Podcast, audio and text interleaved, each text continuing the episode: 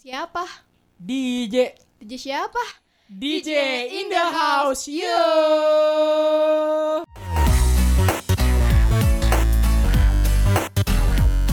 Welcome to the DJ in the house yo. Ya, halo semuanya. Ketemu lagi nih sama episode pertama dari eh, D- DJ in the house. Hari ini kita bakal bahas apa nih? Nah pertama-tama kita kenalin dulu ya kita di sini ada bertiga Yes, yang bener banget. bakal eh, bincang-bincang sama kalian. Ya, ada gue di sini. Timi. Ada gue di sini Nabila Ada gua juga Arvan. dan kita hari ini bakal bahas soal Omnibus Law. Nah, kalian pada tahu nggak nih eh, Omnibus Law itu apa? yang lagi viral vi- eh viral viral viral itu ya Lah, masa lu nggak tahu sih Omnibus Law apa? Emang apa tuh? Nah, jadi Omnibus Law ini tuh regulasi yang lagi digodok nih sama pemerintah yang katanya sih pengen datengin sebanyak mungkin tuh investor untuk menanamkan modalnya di Indonesia. lah lah terus ngaruhnya ke gue apa Nah, jadi banyak banget nih di eh, Omnibus Law ini karena memang dia mengatur lebih dari sektor yang akan berpengaruh ke banyak banget eh, bidang atau ke masyarakatnya kayak gitu. Yang yang paling mencuat nih salah satunya ada RUU Cilaka atau yang sekarang tuh diganti jadi Cipta Kerja yang isinya tuh banyak banget dikeluhkan sama kaum buruh kayak gitu. Nah, nggak cuman itu karena kita bakal banyak bahas lagi tentang Omnibus Law ini di kesempatan kali ini. Tapi kita nggak ngobrol bertiga doang nih kali Iya. ini. Iya bener banget. Nah sekarang di sebelah kita udah ada dua narasumber yang keren banget yang bakal eh, ngomongin bareng bareng kita tentang omnibus law. Nah di sini yang pertama ada Bung Rosyad yaitu Ketua Forum Serikat Buruh Metal Indonesia Jawa Barat dan ada juga dari Kepala Departemen Propaganda dari Aksi BEM Kemau 4 yaitu eh, Kang Firdian Aurelio. Aurelio. Sekarang Bung Rosyad boleh dikenalin dulu sama teman-teman yang dengar. Oke, Bismillahirrahmanirrahim. Assalamualaikum warahmatullahi wabarakatuh. Waalaikumsalam. Selamat sore semuanya. Nama saya Sabila Rosyad, Ketua DPW FSPMI Jawa Barat. Oke, yang satunya lagi nih atau yang biasa di akrabnya disapa Kang Iyang ya bener Iya banget. bener banget. Boleh Kang mungkin disapa dulu pendengar kami. Ya halo kawan-kawan, nama gua Iyang dari Ilmu Pemerintahan Angkatan 18. Alhamdulillah tahun ini diamanahi di BEM Kema Unpad 2020 sebagai Kepala Departemen Propaganda Aksi. Semoga podcast sore ini bisa jadi bermanfaat ya. Ya, Amin, pasti amin, amin. amin. pastinya dong Nah, seperti yang kita bilang tadi, kita bakal banyak bahas tentang Omnibus Law ini. Nah, jadi setelah banyak gonjang-ganjing nih teman-teman yang teman-teman pasti lihat dan eh, di media sosial, di media massa itu banyak banget pemberitaan tentang Omnibus Law ini. Iya, apalagi di Twitter ya. Di Twitter kan sekarang lagi rame juga orang-orang pada ngomongin omnibus law ya. Iya, dari banget. SJW sampai buzzer-buzzer kan. Iya, bener semua banget. dibahas tuh rame Semua ya. dibahas gitu. Nah, kira-kira ini gue mau tahu dulu nih tentang upaya yang telah dilakukan Bung Rosyad sama teman-teman dari BMK Unpad untuk setidaknya eh, merespon tentang Omnibus Law ini. Boleh Bung Rosyad dulu, boleh cerita dong tentang upayanya apa aja nih? Ya, yang pertama kami secara internal organisasi setelah pidato presiden di bulan Oktober pelantikan nama ini mulai mencuat apa itu makhluk namanya omnibus law tadi katanya. Dan sampai akhirnya ada konsep-konsep draft yang liar kata pemerintah ketika itu padahal kita sudah tangkap waktu itu. Tetapi justru pemerintah mengcounter katanya itu draft-draft liar dan tidak ada pihak yang bisa dipertanggungjawabkan. Sampai akhirnya kemarin telah diserahkan draft resmi serta surat perintah dari presiden diserahkan kepada DPR RI untuk secepatnya dibahas. Maka kami secara internal organisasi membedah isi daripada Omnibus Law ini khususnya bab 4 yang berkenaan dengan klaster ketenaga kerjaan untuk kita bedah, analisa, kita kaji. Setelah itu ternyata banyak penyimpangan-penyimpangan intinya ini bukan untuk mensejahterakan kaum buruh tetapi mendegradasi kesejahteraan kaum buruh bahkan memiskinkan kaum buruh secara struktural dan sistematis. Sehingga kami akhirnya me- membuat sandingan draft omnibus law dengan usulan-usulan kita yang telah kita bahas dan ini kita lakukan sosialisasi kepada internal buruh dan juga kepada masyarakat luas Oke. karena ini dampaknya juga Oke, bukan hanya kepada buruh. Berarti lagi roadshow gitu ya Kang ya, ya. begitu kita Ke berbagai tempat ya, Jawa Kang? Barat, ya. Ya bener banget nih kalau dari Kang Iyang sendiri gimana nih menanggapi isu Omnibus Law ini khususnya upaya-upayanya ya yang telah dilakukan. Iya, sama kayak Bung Rosyad tadi disebutkan Omnibus Law utamanya RU Ciptaker yang sekarang diubah jadi eh Ciptaker RU ya. Celaka jadi Ci- Ciptaker ya. Ciptaker, Cuma ya. Ciptaker ini kita ejek lagi diceker. RU. ini sebenarnya adalah kesimpulan bahwa RU ini adalah dari elit oleh elit dan untuk elit. Oke. Simpel seperti itu. Maka sebagai mahasiswa yang bagian daripada segmentasi, dia tidak terpisah oleh masyarakat. Mahasiswa adalah bagian dari masyarakat, maka kita juga patut resah. Karena kalau kita melihat garis besar Omnibus Law ini, utamanya tadi RUU Ceker ini adalah dia dua sebenarnya. Dia menekan buruh dan dia merusak lingkungan. Utamanya itu. Dan kalau kita lihat lebih jauh lagi, Omnibus Law ini adalah suatu tatanan undang-undang yang diciptakan oleh orkestra oligarki yang di mana kita paham bahwa ini ada konsolidasi kekuatan di atas. Nah tugas kita adalah mengawal supaya ini tidak di- tidak disahkan atau setidaknya kita kaji dulu apa sih bermasalah. Nah mungkin seperti yang tadi sudah Bung Rosyad katakan juga, memang ini pasalnya sangat banyak ya. Kalau teman-teman buka filenya ada 1.200 eh, halaman, 79 undang-undang, 11 klaster, dan ini bukanlah hal yang sangat lazim disahkan dalam waktu 100 hari. Mungkin kalau sedikit boleh fakta, yang biasa menggunakan omnibus law ini kan negara-negara seperti ini ya, Amerika, Kanada, yang pakai common law. Bahkan mereka pun negara maju bikin 10 tahun dan kita target 100 hari. Iya, terlalu cepet ya sebenarnya. Prematur Sangat-sangat banget ya Kang ya. prematur. Nah, makanya menyadari berbagai permasalahan tersebut termasuk dari pelibatannya. Di- bagi teorinya Habermas, pembuatan undang-undang itu atau aturan ada tiga, partisipatif, kemudian presisi dan aspiratif. Dan ini kita tidak dilibatkan. Maka BMKMA Unpad mengajak juga teman-teman dari kampus lain, dari unsur lain maupun teman-teman dari dalam kampus untuk sama-sama bergerak. Karena kita paham bahwa mahasiswa ini bukanlah lembaga riset. Ia adalah lembaga penekan infrastruktur politik. Nah, makanya kita lagi bikin kajian, pemantik, kemudian diskusi-diskusi dan nanti ke depannya akan ada eskalasi gerakan berikutnya. Oke, melihat dari terlalu buru-burunya pemerintah bikin regulasi ini tuh sebenarnya seurgensi apa sih dele- delegurasi ini sebesar-besaran dilakukan sekarang? Apa emang kita tuh urgent banget butuh omnibus law sekarang Iya. ini atau gimana? Kesannya kalau nggak ada Omnibus Law tuh uh, Kayak pemerintahan bakal kacau balau Kacau gitu balau. Padahal karena ini malah bikin prematur banget ya. Iya, yang ada malah bikin pro kontra di masyarakat kan. Sebenarnya seurgensi apa sih ini gitu. Boleh, Boleh. Bung Rusyad? Bung Rasyad.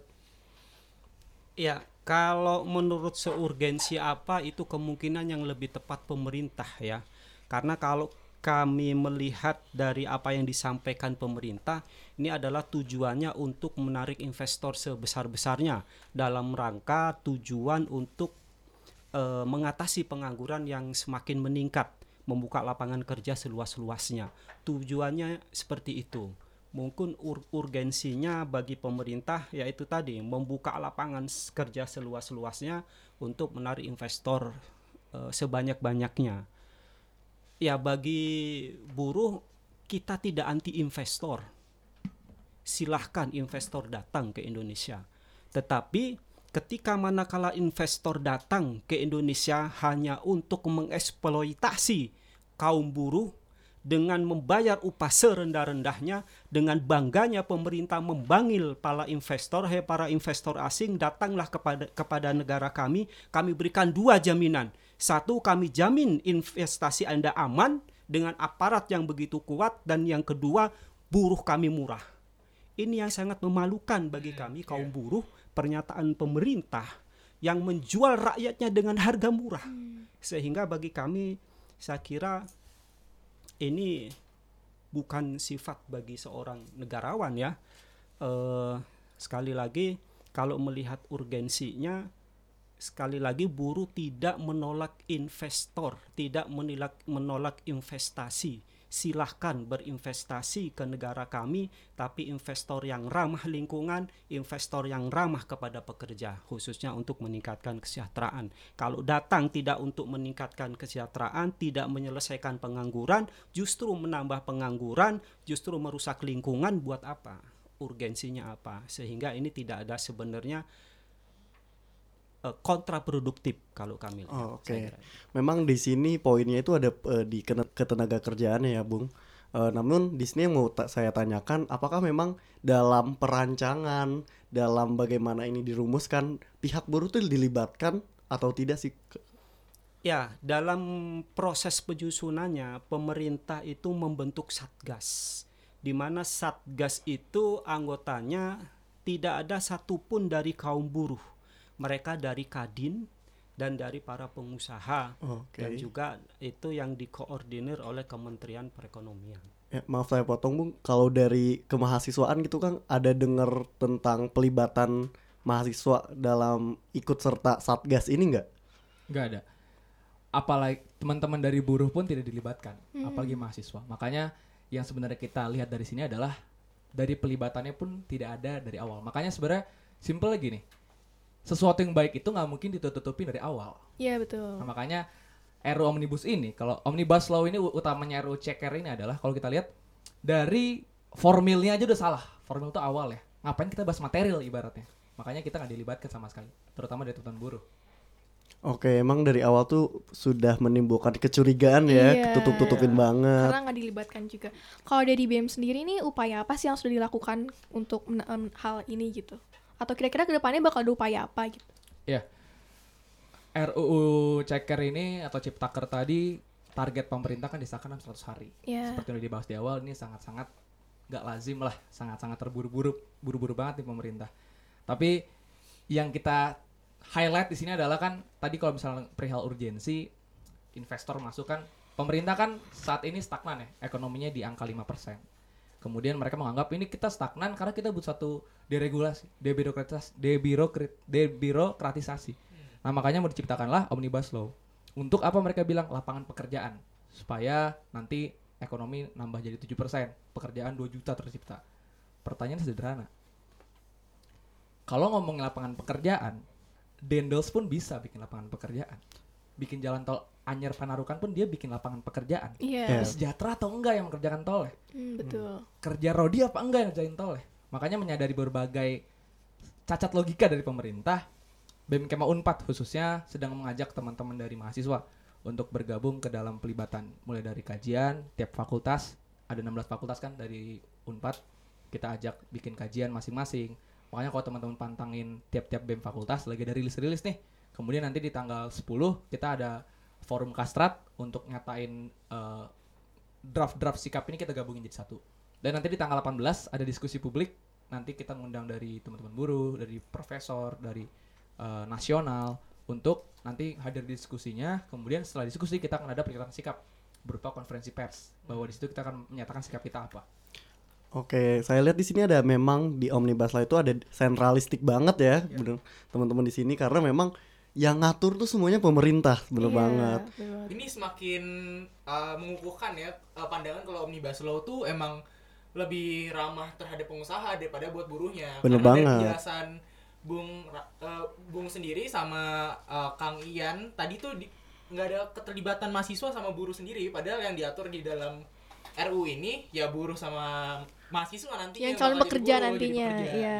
Nah, melihat sikap pemerintah yang dari awal tuh emang mencium bau-bau yang tidak beres nih, menurut teman-teman di sini sendiri, ketakutan apa sih yang paling eh, Bung Rosyad dan Kang Iyang bawa dalam Omnibus Law ini? Boleh Kang Iyang? Ketakutan Ketakutan terbesar yang Ketakutan. akan dihadapi nantinya gitu. Ketika Kalau andaikan ini memang disahkan. andaikan Iya. ini disahkan. sebenarnya kalau ngomongin ketakutan sangat-sangat banyak ya. Bahkan kalau ngomongin ketakutan, RU ini hadir untuk menakuti. Simpel seperti itu. Jadi kalau ngomongin ketakutan, tiap-tiap pasal dalam omnibus ini memang bisa bikin kita takut. Nah, sekarang permasalahan gini. Ada tadi 1200 halaman, naskah akademiknya 3000 halaman. Gak mungkin kita bahas pasal per pasal dalam waktu 100 hari. Bahkan lembaga riset pun akan sulit. Nah, makanya kalau ngomongin ketakutan banyak. Cuman kalau saya bisa highlight beberapa poinnya adalah salah satunya gini. Omnibus Law ini hadir untuk nanti harapannya ekonomi naik, kemudian Indonesia jadi kaya katanya. Akhirnya Indonesia kaya raya, tapi lingkungan nih dikorbankan. AMDAL dihapuskan, kemudian investor-investor mudah masuk, dan sebagainya. Problemnya gini, oke, Indonesia kaya raya, tahun 2040-an, bener kaya raya. Tapi kita udah tenggelam, karena lingkungan kita dibabat habis. Jadi kita kaya raya tapi berenang di laut, tidurnya di laut. Nah hal kayak ini ketakutan ini banyak. Makanya kalau ngomongin soal RU Ciptaker ini, dia nggak cuman nyasar pada ketenaga kerjaan, dia nyasar pada lingkungan, dia nyasar pada pers bahkan. Apa hubungannya menciptakan lapangan pekerjaan dengan mengintervensi pers? Banyak hal lagi, pendidikan, kesehatan dan lain-lain. Makanya bagi saya RU ini adalah RU ketakutan gitu. Dari Bung Rosyad sendiri nih.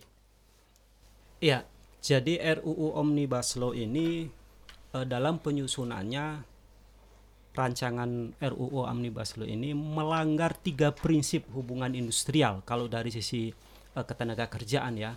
Dia eh, melanggar daripada job security, salary security dan juga social security.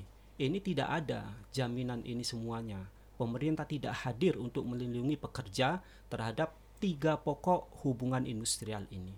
Dan kami menolak ada sembilan alasan kenapa RUU Omnibus Law ini kita tolak.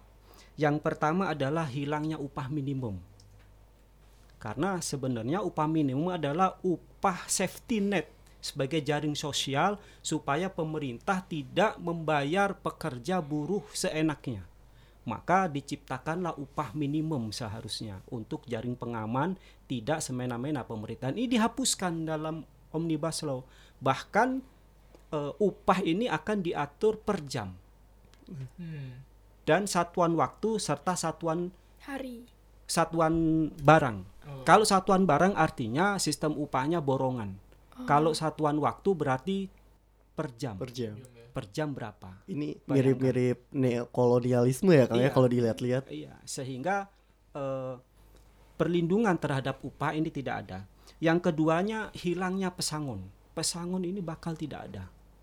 Yang biasanya orang yang pensiun dapat pesangon, orang yang di PHK oleh pengusaha dapat pesangon, orang yang meninggal dunia ini dapat pesangon ini semuanya akan hilang. Mereka tidak akan dapat eh, pesangon ini.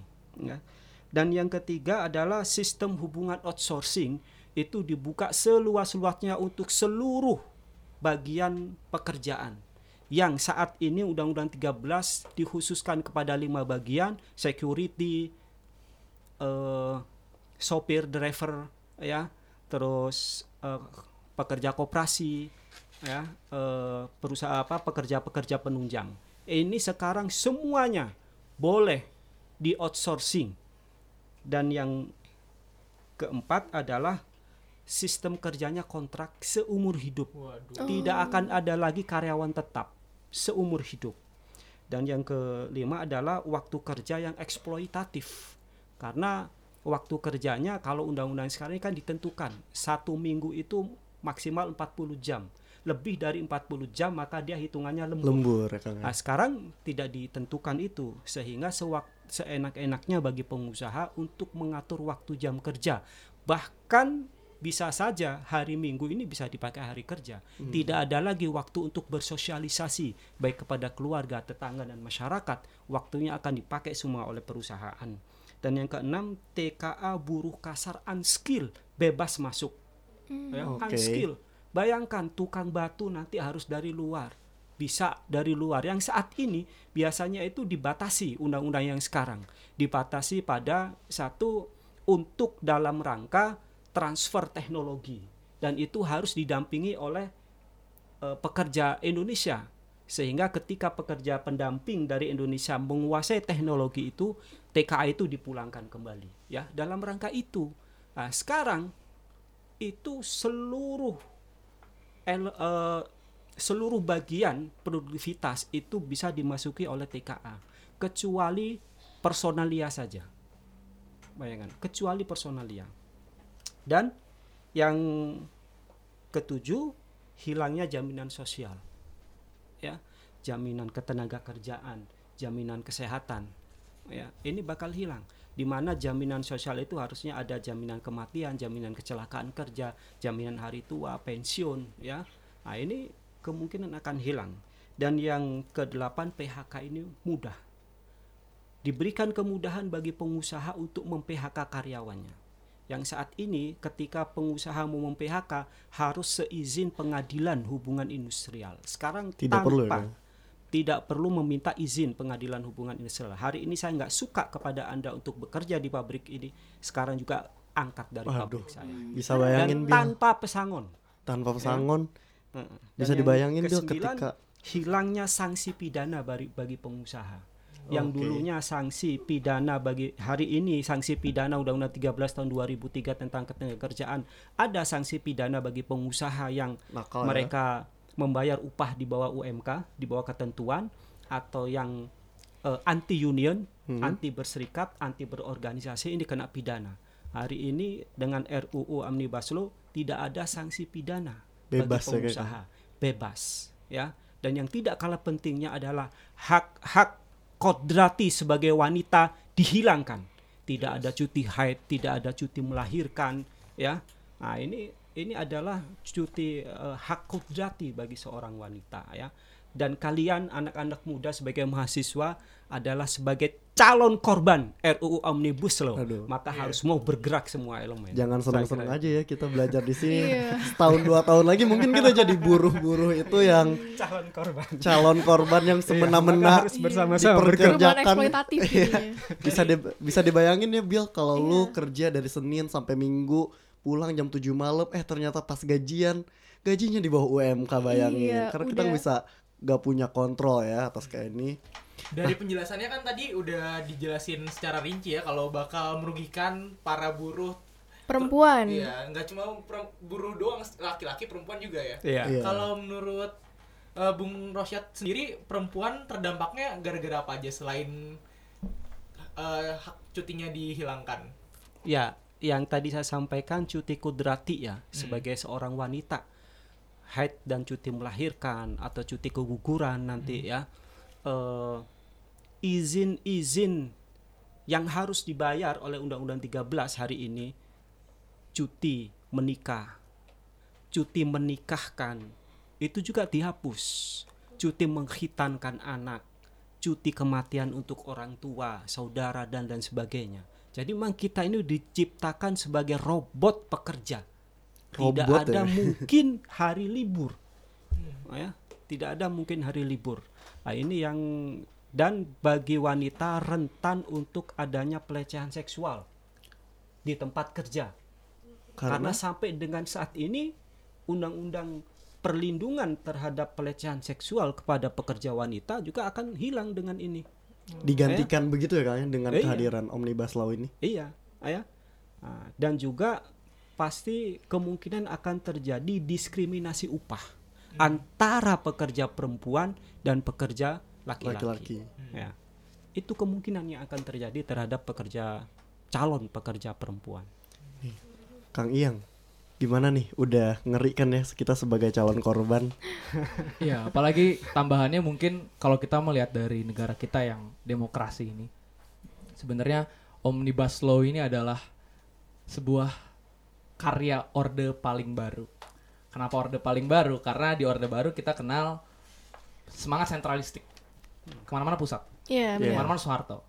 Dan di omnibus law ini semangat sentralistik itu makin hadir. Makanya disebut orde paling baru. Orde Contohnya paling apa? baru. Simpel gini Baru. gubernur itu sekarang powerless kalau misalnya omnibus law disahkan. Kenapa powerless? Karena kita ini bisa menjadi lebih maju dan lebih demokratis karena desentralisasinya. Karena setiap daerah nantinya punya kewenangannya sendiri, setiap daerah bisa menyesuaikan karakter masing-masing masyarakatnya. Dengan omnibus law semua dipusatkan. Gubernur yang nurut sama presiden bisa kasih bisa dikenain sanksi, bahkan tanda kutip dipecat. Jadi hal-hal ini yang kadang bikin semangat sentralistik kembali hadir di omnibus law ini. Oke, untuk dari BEM sendiri nih apa sih yang bisa dilakuin sebelum 100 hari masa putusan DPR agar Omnibus Law ini dapat diubah de- dan dengan melibatkan masyarakat masyarakat apa nih sipil. Yang harus kita Kira-kira, lakukan Iya, kira-kira BEM bisa ngapain nih sebelum disahkan karena kan eh, pengesahan sendiri eh, masyarakat sipil nggak dilibatkan nih Iya. gitu. Banyak yang nanya ke gua soal gini. Ngapain sih kita gerak? Kan nggak bakal merubah apa-apa. Belum tentu merubah apa-apa katanya. Jawabannya dia udah jawab sebenarnya. Kalau nggak gerak aja kita nggak merubah apa-apa. Jadi lebih baik kita ikhtiar, lebih baik kita mencoba dulu gitu, bergerak dulu. Nah sekarang bagaimana cara kita mengawal omnibus law ini? Kalau kita melihat secara sistem ya kita mesti melihat juga evaluasi tahun lalu. Aksi 24 September, aksi-aksi sebelumnya bahwa masih banyak mahasiswa ya, kalau saya pakai perspektif mahasiswa yang kolektivisme namanya. Selektivism itu seakan-akan baru nge-share story, baru nge-share tulisan, udah merasa paling aktivis, Hmm. udah merasa Oh, paling oke. berjuang. Bikin thread di Twitter udah langsung Iya. kerasa paling SJW ya. Itu bagian dari perjuangan, tapi bukan berarti itu adalah endingnya perjuangan. Maka bagaimana cara kita mengawal ini? Pertama pastikan kita yang hadir sebagai mahasiswa itu paham omnibus law ini apa. Gak usah paham pasal per pasal. Kita bukan profesor. Profesor pun dikasih 100 hari nggak mungkin paham pasal per pasal. Iya. Tapi pahami bahwa omnibus law ini adalah berisi tadi pasal-pasal yang menakutkan, pasal-pasal yang mencederai demokrasi. Satu pahami dulu. Kedua, mungkin ada baiknya kita memperbanyak membaca kajian atau mendengarkan podcast seperti ini nih. Iya. Kayak Dapat informatif ya, Kang, ya? Informatif. iya. Karena Bisa, mantap. Platform udah banyak. Platform udah banyak, bisa cari informasi dan edukasi dari sana. Ketiga, jangan kalau kata Soekarno gini kan. Saya lebih seneng orang yang duduk di tempat kopi sambil berbicara soal bangsa daripada di perpustakaan tapi cuma mikirin diri sendiri. Jadi ketika kita udah punya informasi, ketika kita udah teredukasi, jangan cuma diam. Kita harus gerak, harus turun. Caranya banyak. Kita bisa lewat aksi turun ke jalan misalnya. Kita bisa lewat eh, diskusi-diskusi terbuka, pemantik-pemantik atau media-media kreatif. Itu bentuknya banyak. Intinya adalah harapannya omnibus law ini nggak dilihat hanya sebagai satu kebijakan. Jadi kita nggak menindas kita nggak menindas omnibus law doang. Kita itu menolak segala bentuk penindasannya. Omnibus law ini bagian dari penindasan. Jadi jangan sampai setelah omnibus law ini beres kita selesai. Enggak. Tapi kita itu menolak segala bentuk penindasan. Nah maka harapannya mahasiswa mahasiswa yang turun ini perlu paham gitu ya. Kalau dari saya ini ya, eh, rezim demokratis itu bisa diubah dengan cara argumentasi. Tapi rezim tidak demokratis harus diubah dengan cara konfrontasi. Hmm. Nah itu itu beberapa hal yang bisa kita lakukan. Iya. Tapi menurut Kang Iyang sendiri, ini kan udah mulai bergulir ya tentang omnibus law. Mahasiswa sendiri udah sadar nggak sih tentang seberapa parahnya dampak omnibus law pada karir mereka ke depannya gitu? Jujur belum, karena gini, masih banyak perspektif menganggap bahwa buruh itu hanyalah buruh pabrik. Hmm. Buruh itu hanyalah buruh ya yang dari yang dari pabrik-pabrik lah. Hmm. Padahal nih kantor tuh buruh, Iya. Iya. kesehatan tuh buruh. Definisinya sendiri masih belum dipahami Buruh ya oleh mahasiswa. Buruh itu luas. Nah makanya kalau kita berbicara soal omnibus law sekali lagi kita nggak cuma ngomongin soal buruh dan buruh pun tadi kalau kata Bung Rosyad kita calon korban sepakat. Kita nih calon korban. Nah karena mungkin sebenarnya kalau ngomongin soal mahasiswa udah apa belum kita sebenarnya ter- terkukung oleh sistem. Sistem yang mengkukuk kita untuk setiap hari ada praktikum laprak ada tugas ada kuis lah segala macem. Akhirnya kita terus mentingkat IPK kita. Karena kita paham bahwa kita ini ada generasi yang bakal ada dalam bonus demografi.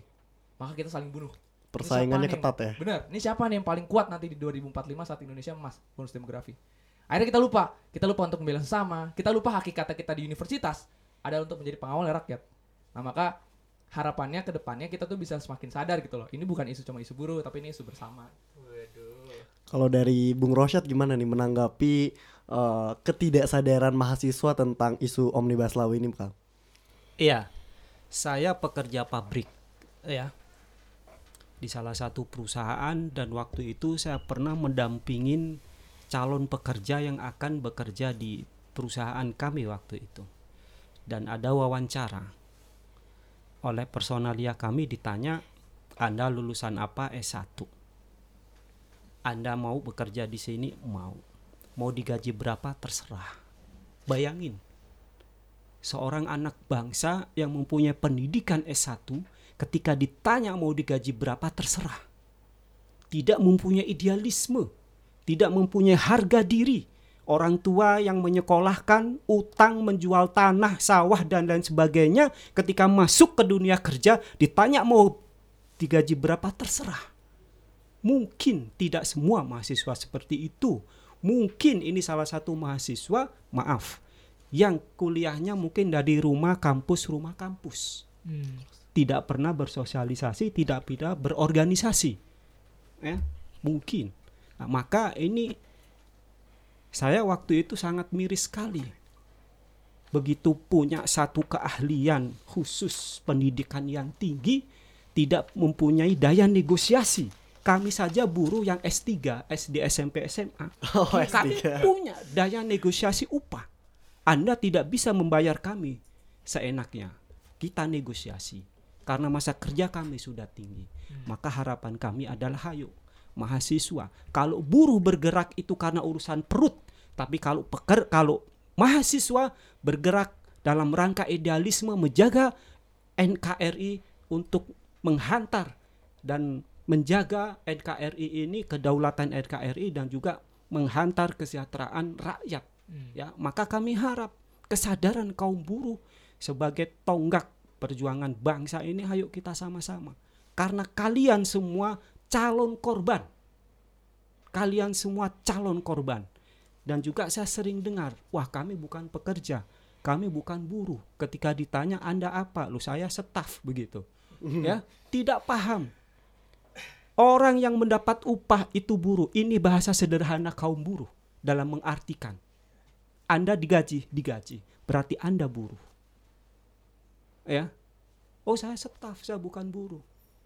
Ya ah, maka siapa pun anda ketika selama anda menerima upah dan berapapun upah anda maka anda adalah buruh pekerja.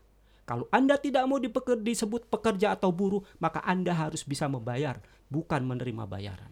Iya benar banget. Karena soal upah tuh bukan soal angka doang tapi soal kemanusiaan juga ya. iya.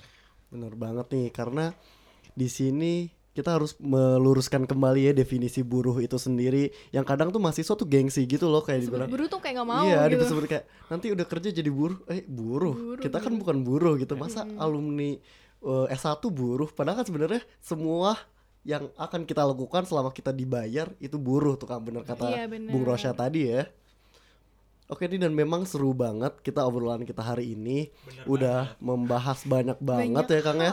dan tentang omnibus law ini yang memang eh, seperti isinya yang sangat banyak dan memerlukan waktu banyak juga ini juga mesti perlu jadi kajian juga buat teman-teman mungkin dari mahasiswa untuk selalu mengawal ya karena betul. dampaknya banyak banget nih buat kehidupan kita. Iya jangan diem-diem aja gitu kan. Nah, Iya. Jadi kayaknya obrolan kita cukup segini aja ya. Yo. Tapi sebelumnya kita harus nekanin lagi ya. Nekanin Oke. lagi. Kita ngingetin buat semua pendengar kita yang notabene-nya mahasiswa untuk jangan acuh gitu sama keadaan lingkungan sekitar kita. Omnibus Law tuh nggak seremeh itu. Jadi kalian jangan cuma ngelihat di medsos terus di Iya, like ya. nggak di like doang tapi Ada aksi nyatanya aksinya ya? mana Ada nih? aksi nyatanya, jangan cuma diem doang. Oke, jadi kami mau eh, ngasih terima kasih dulu nih Terima terutama buat dua orang narasumber ya. kami, Sama-sama, terima Bung Rosyad, Kang Iyang, terima kasih atas waktunya. Iya udah Kami repot-repot nih ke sini. menambahkan nih Apa? Ya apa tuh? Ya, jadi dalam rangka penolakan RUU Omnibus Law ini kita khususnya di Jawa Barat buruh akan bergerak tanggal 16 Maret ya. Kita akan aksi di Gedung Sate dan kami pastikan tidak kurang dari 10.000 masa buruh kami akan turun Oke. Wah, tanggal keren 16 banget. Nih, dan tanggal 23 Maret saat rapat paripurna pertama di DPR RI kami pastikan tidak akan kurang dari 50.000 buruh kami akan turun Wah, DKI Jabar Banten kami punya masa terbesar di Jawa Barat itu dia nih. Semoga bisa menggerakkan hati ya para pendengar Iya. kita nih setelah pengumuman tadi.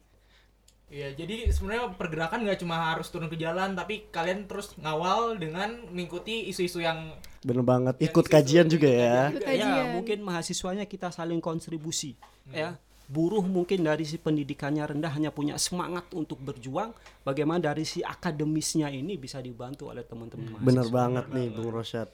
Oke, kita udah ngobrol banyak banget nih. Terima kasih sekali lagi dan juga untuk para pendengar DJ in the house nih. Jangan lupa stay tune terus. di podcast Iya. DJ in the house. Terus sebelumnya kita mau ngingetin dulu kan eh, buat kritik dan saran ya. Oke, bener Oke, banget. boleh banget. Ke mana tuh Udah dikirimkannya? ditutup aja. Jadi ini episode pertama kita dan tentunya di episode pertama ini kita masih punya banyak kekurangan Iya, yang pasti. ke depannya bakal kita terus perbaiki ya. Oleh karenanya buat pendengar kita, pendengar setia ya, eh, dimohon untuk mengirimkan kritik dan saran bila ada kekurangan yang dirasa kurang berkenan. Atau barangkali ada saran untuk isu episode berikutnya Iya, gitu oh, kan. boleh, Boleh, boleh. banget, Boleh bakal ditampung dengan baik nih. Terus kita kalau mau kritik dan saran ngirimnya ke mana nih? Kita bisa ke Instagram Jatinangor ada at di Jatinangor News, ada di line at juga at YJL4427E. Ada juga websitenya di www.dejatinangor.com. Dan di YouTube kita di Jatinangor. Oke, itu dia. Jadi kita bakal langsung tutup aja nih Iya. Iya. dengan eh, opening kita tadi. Kita mau ngajak buat Iya. kedua narasumber kami untuk ikutan bareng kami. Gimana tuh gimana? Gimana, ikutannya aja. Yo-nya aja Oh, kan. Iya. iya, iya. Oke, see you in the next time. DJ in the house. Yo, terima kasih. Podcast